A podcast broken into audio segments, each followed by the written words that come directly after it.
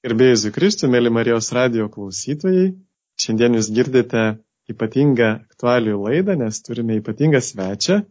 Su jumis kartu jungiasi Lietuvos ambasadorius Egipte, Jordanijai, Libanui ir Arabų lygos šalims, gerbiamas Artūras Gailiūnas. Sveiki, Artūrai. Sveiki, gyvi.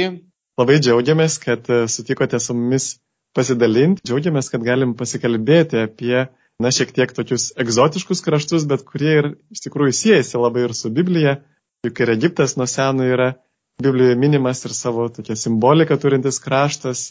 Dievas savo tautą, Bromo palikuonis per Mozę išvedė iš Egipto vergyjos. Mozė yra Jėzaus provaizdis, Egipto vergyje buvo toks nuodėmės vergyjos provaizdis ir per Mozę Dievas padarė daugybę galingų darbų ir stebuklų, kad priverstų Egipto faraoną hebrajus paleisti. Paskui šventoji šeima bėgo į Egiptą nuo erodo persikėjimo, taigi ta šalis, kur anksčiau engė hebrajus, dabar tapo jiems prieglopščiu, ir paskui buvo ir krikščionių prieglopstis. Ir mūsų laikais Egipte yra vykę vieni nuostabiausių Dievo sistų ženklų vieši mergelės Marijos apsireiškimai, kuriuos matė šimtai tūkstančių, galbūt net milijonai žmonių. Taip pat mūsų laikais Egiptas yra musulmoniška šalis, 90 gyventojų yra musulmonai, dešimtadalis koptai krikščionis. Taigi apie visas šitas temas turėsime progą su jumis pasikalbėti. Prie mikrofono aš kuningas Įgytas Jurkštas. Ačiū labai už pakvietimą į laidą. Labai ačiū už klausimus, kuriuos uždavėt. Ir labai ačiū už komentarus, nuo kurių pradėt. Tai galbūt aš pradėsiu nuo to, kaip egiptiečiai, kaip Egiptas save mato šventosios šeimos kontekste. Ir kaip jūs minėjot, Egipte 105 milijonų dauguma gyventojų yra musulmonai, apie 15 procentų, tai vad nuo 100 milijonų 15 procentų yra didelis skaičius, yra koptai krikščionys. Ir vieni, ir kiti iš tiesų labai rimtai žiūri į šventosios šeimos kelią. Ir čia turbūt reiktų pabrėžti du atskirus aspektus. Vienas iš jų yra, kad Egipto koptų bažnyčia veda save nuo evangelisto Morkaus ir netgi jų taip ir vadinasi Aleksandrijos šventojo Morkaus sostas. Šventojo Morkaus sostas Aleksandrijoje. Šalia to, kad koptų popiežius gyvena Kairė, Egipto sostinėje, vis dėlto tiek jisai, tiek ir stačiatikių e, Aleksandrijos patriarchas, tiek pabrėžiant tuo Aleksandriją kaip senąją krikščionybės vieną iš senųjų patriarchatų. Bet čia turbūt irgi nenukrypstant ir išlaikant pagarbos šventajai šeimai, pagarbos tiek tarp Egipto krikščionių, tiek ir tarp musulmonų tą išlaikymą. Koptai tiek ir musulmonai gerbė šventąją šeimą. Čia toks uh, musulmonai Jėzų Kristų laiko pranašu. Jų šventknygi, musulmonų šventknygėje Korane vienintelė moteris minima vardu yra Marija, Jėzaus motina. Ir iš tiesų jie pagarbiai žiūri tiek į Jėzaus Kristaus, tiek ir mergelės Marijos, tiek pat šventosios šeimos buvimą Egipte. Ir čia yra du tokie labai įdomus gyvenimo ir valstybės dalyvavimo ir senienų ministerija senąjį piligrimų kelią, kurį Egipto koptai, kuriuo keliauja ir į vietas, kuriuose lankėsi šventoji šeima, Vyriausybė tą kelią pritaikė ir padarė turistiniu maršrutu, pritaikomu ne tik koptam piligrimam, bet ir visiems gyventojams ir turistam ir įtraukė į turistinius maršrutus. Jeigu taip pasižiūrėti Egipto žemėlapį, tai piečiausias kraštas, piečiausia vieta, kurioje apsistojo, vietose, kur apsisto, buvo apsistojusi šventoji šeima, e, Egipto krikščionis e, yra įrengė vienuolynus ir ten tebėra vienuolynai ir tokios vat, piligrimystės vietos. Piečiausias yra Asijutos rytį, tai yra kokie 600, e, 700, 600 apie 600 km į pietus nuo Kairo prie Nilo Doronka vienuolynas, kuriame yra palaidotas buvęs ankstesnis popiežius Šenūda, labai artimas popiežiaus Pauliaus VI ir popiežiaus Jono Pauliaus II bičiulis su kuriais vystė labai iš tikrųjų didelį ekumeninį dialogą. Tai tuos vienuolynus ir kelią prie jų privažiavimus prie jų dabartinė vyriausybė iš tikrųjų pritaiko ir turistiniam reikmėm. ir įtraukinėja, kadangi turizmas ir turizmo industrija yra labai svarbi Egipto ekonomikos dalis, tai jie ir krikščioniškas piligrimystės vietas įtraukia į tą maršrutą. Yra jų nemažai, yra ir Nilo deltoje, ir pačiame dabartinėme Kaire, bet tos vietos yra įtraukiamos. Ir čia reiktų turbūt pabrėžti, kad tas vietas, galbūt be piligriminės dvasios, bet lanko ne tik krikščionis, bet ir musulmonai krikščionių ir musulmonų sugyvenimas Egipte turi iš tikrųjų tą tūkstantmetę tradiciją ir dabartinė egiptiečių tapatybė, kurią irgi labai puoselė ir dabartinė Egipto vyriausybė, yra, kad kas yra egiptiečiai, tai egiptiečiai yra senųjų faraonų laikų egiptiečių palikuonis, arabiškai kalbantis musulmonai ir krikščionys. Ir iš tiesų, arab, jie kalba arabiškai, jie koptų kalba ten naudoja religinius himnus, bet e, iš tiesų toksai yra sugyvenimas ir ne, ne vienoj vietoj tu matai ir šalia stovinčias bažnyčią, koptišką bažnyčią ir mečetę ir vieni su kitais iš tiesų gyvena kartu ir, ir tuokėsi kartu iš tiesų, tai yra toks vat, egiptietiško šio laikinio Egipto veide, tai vaidina svarbu vaidmenį. Galbūt reikėtų pažymėti atskirą koptų bažnyčios vadovo, popiežiaus Tavadros antrojo, Teodoro antrojo vaidmenį valstybės gyvenime.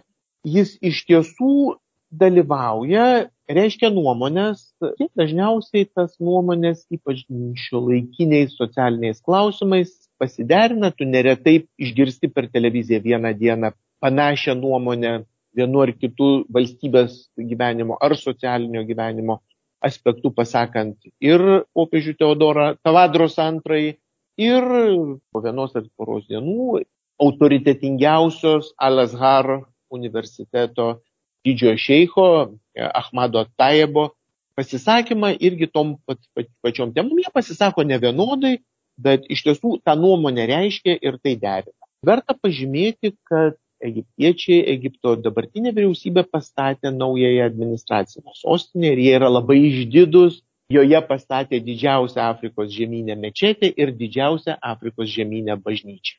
Labai įdomu, reiškia, jie ne tik tai, jie būdami patys musulmonai, bet kartu pastatė ir šalia mečetį, ir šalia krikščionių bažnyčią, ar ne?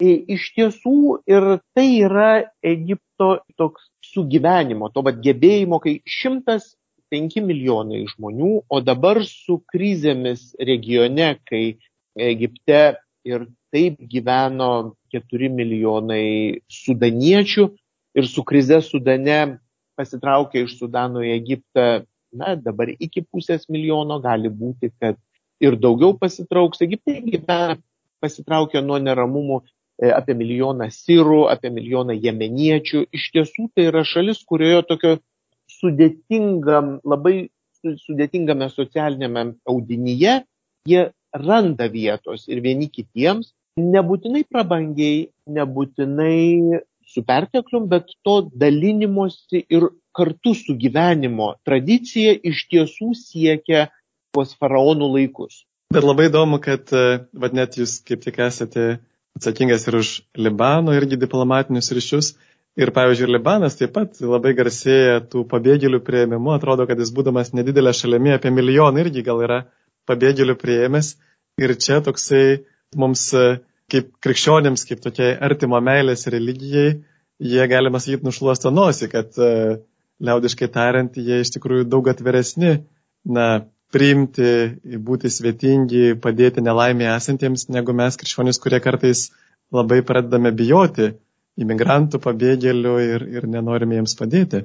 Pabėgėliai Libane, jeigu mes dabar šiek tiek nukrypom į Libaną, daugumoj buvo pabėgėliai iš Palestinos ir dabar pabėgėliai iš Sirijos. Tai yra artimos tautos, kalbančios labai panašia kalba. Ir tas jų pabėgėlių prieimimas yra labai susijęs kartu su integracija ir galbūt toks ne visai tikslus, bet palyginimas būtų, kaip ukrainiečiai pabėgėliai yra priimami Lenkijoje ar Lietuvoje, tai taip pat sirai pabėgėliai yra priimami Libane. Kad kultūriškai panašus, kultūriškai ne tapatus, bet panašus. Yra priimami, neįsipaišo į visuomeninį gyvenimą ir Tačiau, jeigu mes kalbam apie Libaną, Libanas yra iš tiesų tokioje, na, sisteminėje krizėje ir Libano ekonomika nėra pati stipriausia šiuo metu ir iš tiesų Libanas priimdamas Sirijos pabėgėlius yra priklausomas ir nuo tarptautinių organizacijų paramos, nes tai yra nedidelė šalis, 4-5 milijonų šalis. Ir jie iš tikrųjų turi pakankamai aštrės diskusijas Libano vyriausybė su Sirijos vyriausybė dėl tų sirų pabėgėlių repatriacijų. Jordanija yra kitas pavyzdys, kaip irgi pabėgėlių prieimimas ir pusė dabartinių Jordanijos gyventojų yra palestiniečių kilmės ir jie yra pilnai integruoti į Jordanijos gyvenimo ūkį, Jordanijos ekonomiką. Irgi jie priemė didelį skaičių iki milijono sirų pabėgėlių nuo pilietinio karo Sirijoje. Ir taip pat kiekvieną kartą vyksta ir konferencijos ir pasitarimai su jungtinių tautų agentūromis dėl paramos sirams pabėgėliams šitų pabėgėlių integracija ir tas net ir laikinasis prieglopsis, bet ir integracija palengvina, jeigu mes kalbam apie atitinkamai Libaną ir, ir palestiniečius bei sirų pabėgėlius Jordanijoje, iš tiesų kalbinio skirtumo nėra. Kultūriniai skirtumai yra nedideli. Jie įsipaišo labai sėkmingai į vat, vietinės visuomenės, taip skiriasi, taip bet nesiskiria labai dramatiškai ir įsipaišo labai sėkmingai į šalies ekonomiką. Grįžtant šiek tiek prie Egipto, Egiptas su Sudanu, ir čia vat, yra iš tikrųjų, kad dauguma pabėgėlių į Egiptą yra sudaniečiai. Jie turėjo šimtus metų sugyvenimo kartu ir pakankamai kurį laiką netgi buvo Egipto ir Sudano karalystė, tarsi viena valstybė. Sudaniečiai skiriasi nuo deltos Egipto bet jie šiek tiek savo gyvenimo būdų yra panašus į aukštutinio Egipto gyventojus. Tai tas sugyvenimas, tas jų vat, įsiintegravimas ir įsipaišymas į vietos tiek visuomenės struktūrą, labai sudėtinga, labai sofistikuota visuomenės struktūra, jie įsipaišo. Ir štai jau prakalbam apie pabėgėlius, turbūt e, šiuo metu Lietuvoje irgi labai aktuali tema ir, ir Europoje jau daug metų tie imigrantai, kurie ieško geresnio gyvenimo ir tiesiog pražūna, na, juos randa sušalusius, paskendusius, sudegusius ir taip toliau. Ir tuo tarpu tiek Lietuva, tiek kitos šalis, na, aišku, mato ir tokį galbūt specialiai organizavimą tų nelegalių migrantų iš, iš Baltarusijos pusės, bet kartu ir mato tokią grėsmę tų islamo teroristų. Ir kaip manote, ar iš tikrųjų ta tokia grėsmė jinai yra pagrįsta, ar nėra taip, kad, pavyzdžiui, kitose šalise, kur vyko tie teroristiniai išpoliai, kad vis dėlto tie teroristai buvo labiau išugdyti per e, įvairias komunikacijos priemonės iš tų pačių tose šalise kilusių žmonių, ar tikrai yra realiai grėsmė sulaukti, na, pavyzdžiui, tarptų imigrantų islamo teroristų Lietuvoje, pavyzdžiui. Terorizmas kaip po toks iš tiesų yra problema ir e, jis kaip reiškinys yra. Ir šį čia labai svarbu pabrėžti, kad e, dauguma musulmonų, didžioji dauguma, kaip ir dauguma krikščionių, yra normalūs žmonės. Jie gyvena savo gyvenimus, rūpinasi savo šeimom, dirba darbus ir daugelio šalių, kurio dauguma gyventojų yra musulmonai, vyriausybės. Ir šį čia aš pabrėšiu labiausiai Egipto ir Jordanijos, nes su jomis aš tiesiogiai dirbu. Vyriausybės deda didžiulės pastangas užkirsti kelią tiek teroristiniam aktam ir Egipto dabartinė vyriausybė tiesiogiai kentėjo nuo ilgalaikių išpolių, nuo teroro išpolių tiek prieš krikščionių bažnyčias, tiek prieš sufių ordinam, sufių mečetės ir vyriausybė iš tikrųjų skyrė didžiulį dėmesį ir netgi šiuo metu Egiptas kartu su ES ko pirmininkauja tarptautiniai kovos su terorizmu darbo grupiai. Ir šią prasme, kalbėdami, mes galim apibendrinti, galim, aš netgi siūlyčiau mažiau apibendrinti ir mažiau priskirti vienai ar kitai. Jordanijos vyriausybė vykdė iš tikrųjų karinės operacijas Sirijoje prieš vadinamąją Islamo valstybę. Reikia atskirti terorą kaip aktą nuo tikėjimo. Taip, kai kurie teroristai prisidengia vadovavosi galbūt pasinaudojo kaip pretekstu savo religinę priklausomybę, bet šiuo aspektu mes turim būtinai pabrėžti, kad yra žmonės ir, kaip aš sakau, mes gyvenam, mūsų kaimynai, mūsų kaiminystė, mes ir ypač Egipte, Jordanijoje, kur yra tradicijos musulmonų ir krikščionių ilgalaikių sugyvenimų, na, ypač egiptiečiai, jordaniečiai taip pat, bet egiptiečiai ypatingai labai mielai švenčia musulmoniškas šventes ir krikščionis ir mūsų. Ir musulmonai taip pat labai mielai švenčia ir krikščioniškai. Ir, ir naujus metus irgi švenčia. Jeigu tik yra proga švęsti, tai ir švenčia. Tai yra žmonės iš tikrųjų siekia gyventi kasdienį gyvenimą, džiaugtis juo ir bet tai, ką mes matom kiekvieną dieną gatvėje. Bet e, kaip Jūs patartumėt, e, pavyzdžiui, mums žiūrėti į imigrantų prieimimą, ar tame iš tikrųjų nėra tokios gal išpūstos baimės, kad štai, va, jeigu mes priimsim imigrantus, tai su jais, kaip koks nors ten trojus arklys, ateis ir teroristai.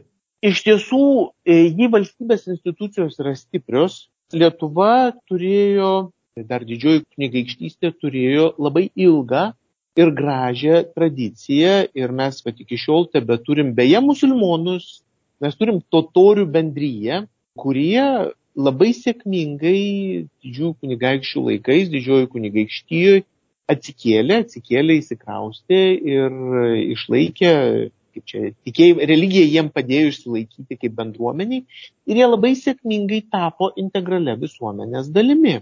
Mes turėjom tokią pačią tradiciją ir į Lietuvą bėgo sentikiai ir kitos persekiojamos religinės grupės iš Maskvos kunigaikštijos ir jie irgi labai sėkmingai įsipaišė į visuomenės audinį.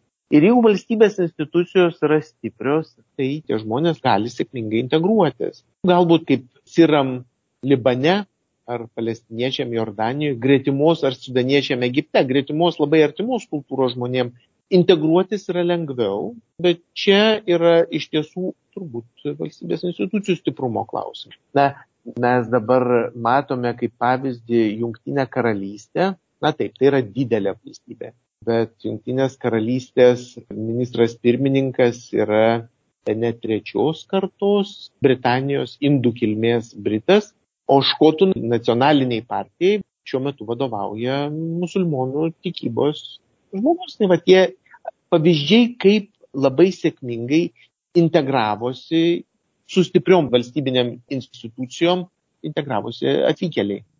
Mes taip pat per žiniasklaidą labai dažnai išgirstame įvairius e, žmonių teisų pažeidimus, pavyzdžiui, Afganistane, kur yra Talibano režimas, apie tokį griežtą elgesį su moterimis, pažeidinėjimas į teisės, jos išstumiamas iš darbo rinkos, padaromas visiškai priklausomomis nuo vyrų. O kokia yra moterų padėtis Egipte ir kitose islamiškose šalise? Turbūt reiktų, aišku, žiūrėti kiekvieną šalį atskirai. Tačiau Egipte yra tradicija moterų ir socialinio aktyvumo. Kai mes vaikštom Kairo gatvėm, aš sakyčiau taip, kad du trečdaliai, na, gal trys ketvirčiai moterų prisidengia plaukus, o bent, bent ketvirtis moterų vaikšto atvirais plaukais. Mes žinome, kad musulmoniškų tradicijų moteris plaukus dengiasi. Ir tų skarelių irgi nešiojimas labai įvairuoja. Moteris darbo rinkoje yra ir ne viena ministrė yra ir dabar va, šiuo metu vykstančiam tarptautiniam teatro festivalyje dalyvauja Lietuvos aktorė Birutė Mar.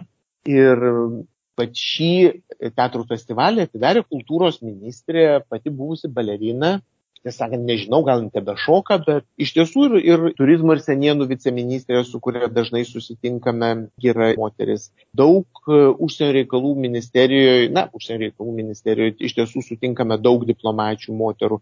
Moterų padėtis labai svarbu dėmesį kreipia labai konkrečiai Egiptas, kuris 2021 metais priėmė žmogaus teisų strategiją ir moterų teisės ir moterų įgalinim, ypatingai darbo rinkoje, iš tiesų jie turi ir daro pažangą, jie ją matuoja, galbūt ne visai taip, kaip mes įpratę matyti Europoje. Tačiau visa tai yra ir vyksta. Ir kai eina kalba apie Talibaną, tai mes išgirstam ne tik iš egiptiečių politikų, bet ir iš to paties mano jau minėto Al-Azhar universiteto didžiojo šeiko Ahmado Taibo pakankamai griežtus pasisakymus talibaniško elgesio atžvilgiu ir paties talibano.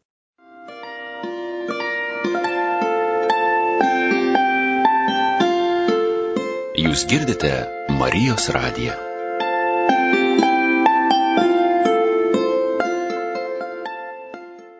Gerbiami Marijos radijo klausytojai, mes kalbamės kartu su ambasadoriumi Egiptui, taip pat Jordanijai, Libanui, Arabų lygos šalims, Lietuvos ambasadoriumi būtent Artūrų Gėliūnu.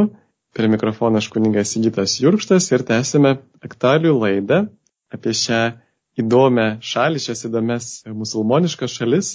Ir turbūt lietuviai irgi vyksta į Egiptą visai neretai. Gal turėtumėt kokių patarimų vykstantiems į šią musulmonišką šalį?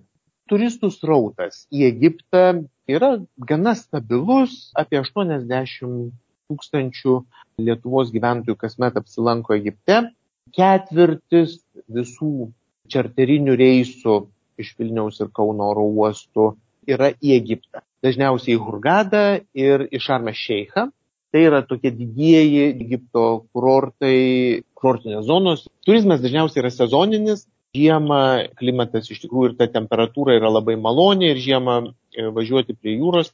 Kadangi tai yra kurortinės zonos, tai juose na, ir galioja tos kurortinės taisyklės. Bet Egiptas yra daugiau negu tik tai pajūrio kurortai, nardymas tvarioj, gražioj jūroj. Ir Egiptas yra iš tiesų ir senosios saliginai vadintinos faraoniškosios civilizacijos šalis, turinti labai daug tų kultūros senienų, ne veltui ir pati ministerija jų vadinasi turizmo ir senienų. E, jie tai susiję bandydami išplėsti ir įjungti tą sudėtingesnį turizmą, galbūt, kad žmonės ir pamatytų daugiau, ir pamatytų tas jų tradicijas. Ir šiuo metu vyksta didžiuliai darbai Kairo, nes Kairas, tas miestas yra, tarkim, sakant, keli miestai vienas paskui kitą, bet dabartinių pavadinimų Kairas yra maždaug 1200 metų šitoje vietoje. Ir jame irgi yra nuostabių krikščioniškos ir musulmoniškos kultūros, architektūros paminklų. Ir jie irgi yra verti dėmesio. E, galbūt na, po Kairą turistauti yra mažiau patogu, nes tai yra 20 milijonų didmestis, tai yra iš tikrųjų milžiniškas miestas, bet po Egipto senienas, iš tiesų Lukso, senojoje sostinėje Luksore ir visoje eilėje nuo Luksoro iki Abu Simbelio, visiškai Abu Simbelis yra prie vėžio atogražos, iki pat tenai dykumoj ir greta dykumos išlikę tos senosios šventyklos, kur iš tiesų labai spūdingai matosi, kaip žmonės sugebėdavo su, ne tokia kaip šio laikinė, su tokia technika ir apskaičiuoti, kad saulės šviesa patektų į, sakykime, trečiąją ar netgi ketvirtą patalpą atitinkamomis dienomis ir iš tikrųjų kaip sofistikuotai sugebėdavo padaryti dažus, kad jie išlikė iki pat dabar ir netgi kvapus. Ir yra atskirose šventyklose yra išlikę netgi kvapai įsigėrė į vietinius akmenis ir tu gali net užuosti tuos senuosius nuo faraonų laikų kvapus. Ir kurortinė zona irgi turbūt nepakenktų iš tiesų kreipti dėmesį į šalies papročius ir šioje šalyje tiek vyrai, tiek moteris prisidengia kūną. Tai, kūną prisidengti Egipte naudinga ne tik dėl šalies papročių, bet iš tiesų ir dėl deginančios saulės. Nes e, ir žiemą, ir vasarą ta saulė labai karšta. Ir iš tikrųjų tai turi ne tik kultūrinę, bet ir hygieninę prasme, kad nenudegti, nenuspėti.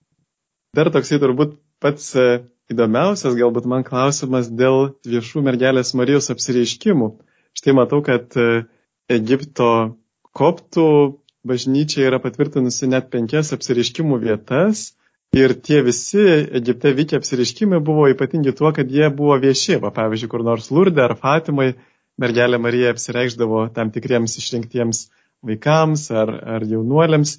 Ir štai čia mes matom viešus apsiriškimus, pavyzdžiui, Zeitūne 1968 metais, Edfu 1982, Šubra vietovė 86, Šentena Alhager vietovė 97, Asjuto vietovė 2000, Gabaldronka 2001 ir Varak El Hadar 2009. Ir visose juose teigiama, kad mergelė Marija matė tokia kaip šviečiančią moterį, dažniausiai virš bažnyčios stogo, matė nuo kelių šimtų tūkstančių net iki kelių milijonų žmonių. Ar žinote, ką nors apie šiuos apsiriškimus, gal susidūrėte su tai žmonėmis, kurie matė juos?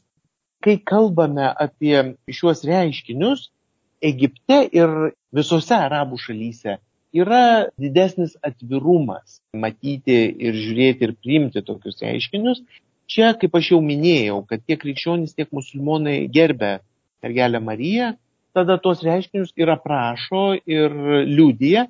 Ir šį čia labai įdomus ir svarbu pabrėžti, kad katalikų bažnyčia ir katalikų bažnyčios atstovai Egipte nesikiša į šitų reiškinių fiksavimo, aprašymo procesus. Man pačiam neteko sutikti žmonių juos mačiusių, bet man yra minėję apie šiuos reiškinius tiek pažįstami, tiek e, ypač vyresnio amžiaus, tiek krikščionys, tiek ir musulmonai. Ir nei vieni, nei kiti labai tuo nesistebėjo. Jiem tai tokia tarsi buvo artimesnė gyvenimo dalis.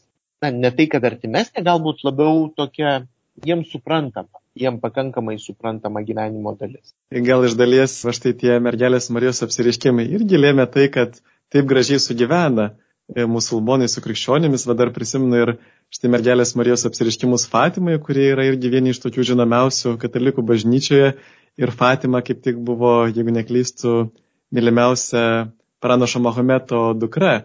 Irgi va tas toks musulmoniškas vardas turbūt neatsitiktinai Ir turbūt mergelė Marija irgi bando kaip ta taikos karalienė taikyti krikščionis musulmonus, ieškoti to, kas yra, kas bendra, kad mes irgi tikime į Dievą ir, ir, ir mergelė Marija va šitame, šitoje kelionėje turbūt mums padeda irgi ieškoti vienybės ir tokios taikos, taikaus sugyvenimo.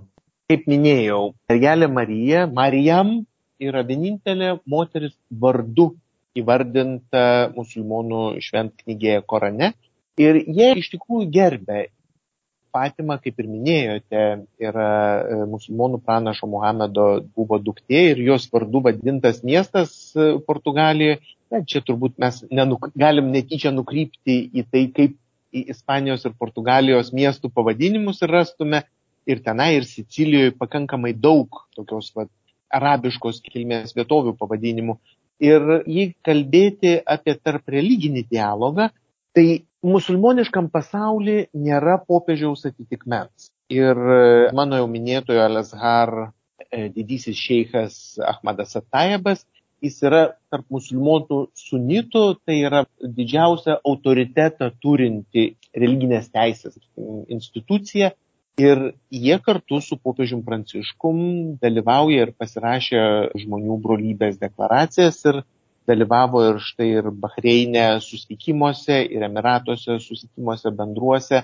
Ir tas žmonių sugyvenimo tarpusavyje pavyzdys ir pavyzdžiai, jie Egipte yra turbūt labai akivaizdžiai matos. Ir kai skirtingų religijų žmonės tarpusavį gyvena šalia vieni kitų ir randa būdus kartu sugyventi. Ir Pabaigai gal galėtume taip pat papasakoti ir apie save, apie ambasadoriaus darbą, kuo šis darbas yra ypatingas, va kaip Henris Kissingeris yra ja valstybės sekretorius, e, buvęs yra sakęs, diplomatija meno suvaržyti galę. Iš tiesų, kuo yra ypatingas diplomato darbas? Diplomato darbo ypatingumas yra turbūt gebėjimas tiesti tiltų tarp šalių, tarp tautų, kažkuria prasme net ir tarp kultūrų. Tai yra. Čia panašiai kaip ir popiežius vadinamas tiltų statytojų pontifex, ar ne? E, na, jeigu jau mes, e, popiežius yra tiltų statytojas labiau tarp šio pasaulio ir kito pasaulio. Diplomatai yra profesionalūs kontaktų mesgėjai. Diplomatų darbas turi šiek tiek žavesio ir turi tam tikrų sunkumų.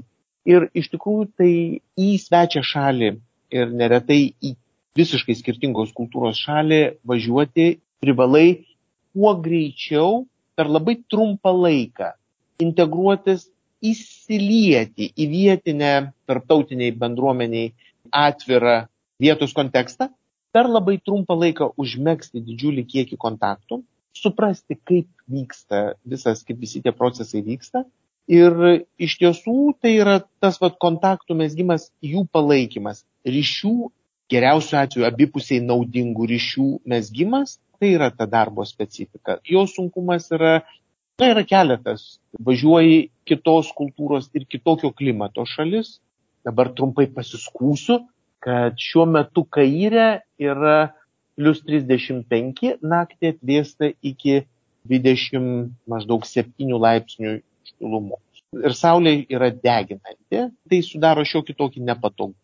Na ir kitas, bet kaip nepatogumą irgi galiu pasakyti, kad darbo savaitė Egipte ir daugumoje musulmoniškų šalių, visose arabų valstybėse išskyrus Libaną ir Junktinius Arabų Emiratus. Dėl skirtingų priežasčių darbo savaitė yra nuo sekmadienio iki ketvirtadienio. Ir va tai irgi sudaro tokių pakankamai nepatogumų, nes vis tiek tu dirbi savo šaliai, tu raportuoji savo šaliai, tu kontaktus mesgi vardant savo šalyje. Na ir, ir dar vienas diplomato darbo nepatogumas yra, kad yra neribotos darbo valandos. Tu negali būti nediplomatų po darbo laiko. Ir pakankamai daug renginių vyksta ir vakarais, kitas iki rytais, ir kitas iki iš tikrųjų, na, o jeigu yra atitinkamas vizitas į tavo šalį, na, tai 24 valandas per parą. Jeigu vyksta sudėtingos tarptautinės dėrybos irgi, tada kažkuriam laikė, ypač daugia šaliuose formatuose, kaip New York'e jungtinėse tautose, Ženevoje jungtinėse tautose ar Briuselėje, ES arba NATO institucijose, na, kitas iki to darbo viešai niekas nedemonstruoja, bet, na, tos dėrybos gali vykti ir iki penktos valandos ryto ir šeštos valandos ryto. Šiuo atveju svarbu rezultatas. Ir dar vienas diplomato darbo sunkumas yra tas, kad neretai tavo darbo rezultatai tai yra ilgalaikio kruopštaus įdirbio rezultatas. Tai, na, tu nebūtinai juos pamatysi pats. Ir didelis iš tikrųjų džiaugsmas yra, kai tavo darbo, pamatai savo darbo rezultatus, vat, tavo įpėdinio žmogaus, kuris tą poziciją perėmė iš tavęs jo, jo rezultatą. Tai vad tokia turbūt būtų diplomato darbo aspektas. Tai ačiū labai gerbiamas Artūrai už šitą pasidalinimą ir asmeninė, ir darbo, ir gyvenimo patirtimi, ir išmintimi. Iš tikrųjų, man tai labai įkvėpė vilties. Tas pavyzdys Egipto, kad krikščionys ir musulmonai gali sugyventi kartu, nes iš tiesų krikščionys sudaro trečdalį pasaulio gyventojų, musulmonai ketvirtadalį ir tas pasaulis atrodo vis labiau šiuolaikinių technologijų pagalba vis labiau artėja prie vienas kito ir kad mes tikrai nebijotume kitokių žmonių iš kitokių kultūrų. Tai dar kartą dėkoju Jums ir taip pat, aišku, ir klausytojus raginu ir tikrai pasidomėkite tais ypatingais mergelės Marijos apsireiškimais, patvirtintais koptų bažnyčios, kada, pavyzdžiui, Zeitūnė, kada mergelė Marija viešai kaip šviečianti moteris ant bažnyčios stogo apsireiškia milijonam žmonių Ir tai yra toks labai nuostabus tikėjimas stiprinantis vilties ženklas ir tai, kas iš tikrųjų mus vienyje vieni su kitais padeda sugyventi taikoje ir artimo meilėje. Taigi, dar kartą dėkoju Jums.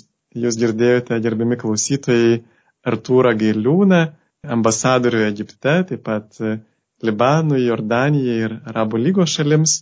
Taip pat laidą vedžiojo aš kuningas Sigitas Jurkštas. Ir iki kitų susitikimų. Sudė. Ačiū labai. Iki kitų susitikimų.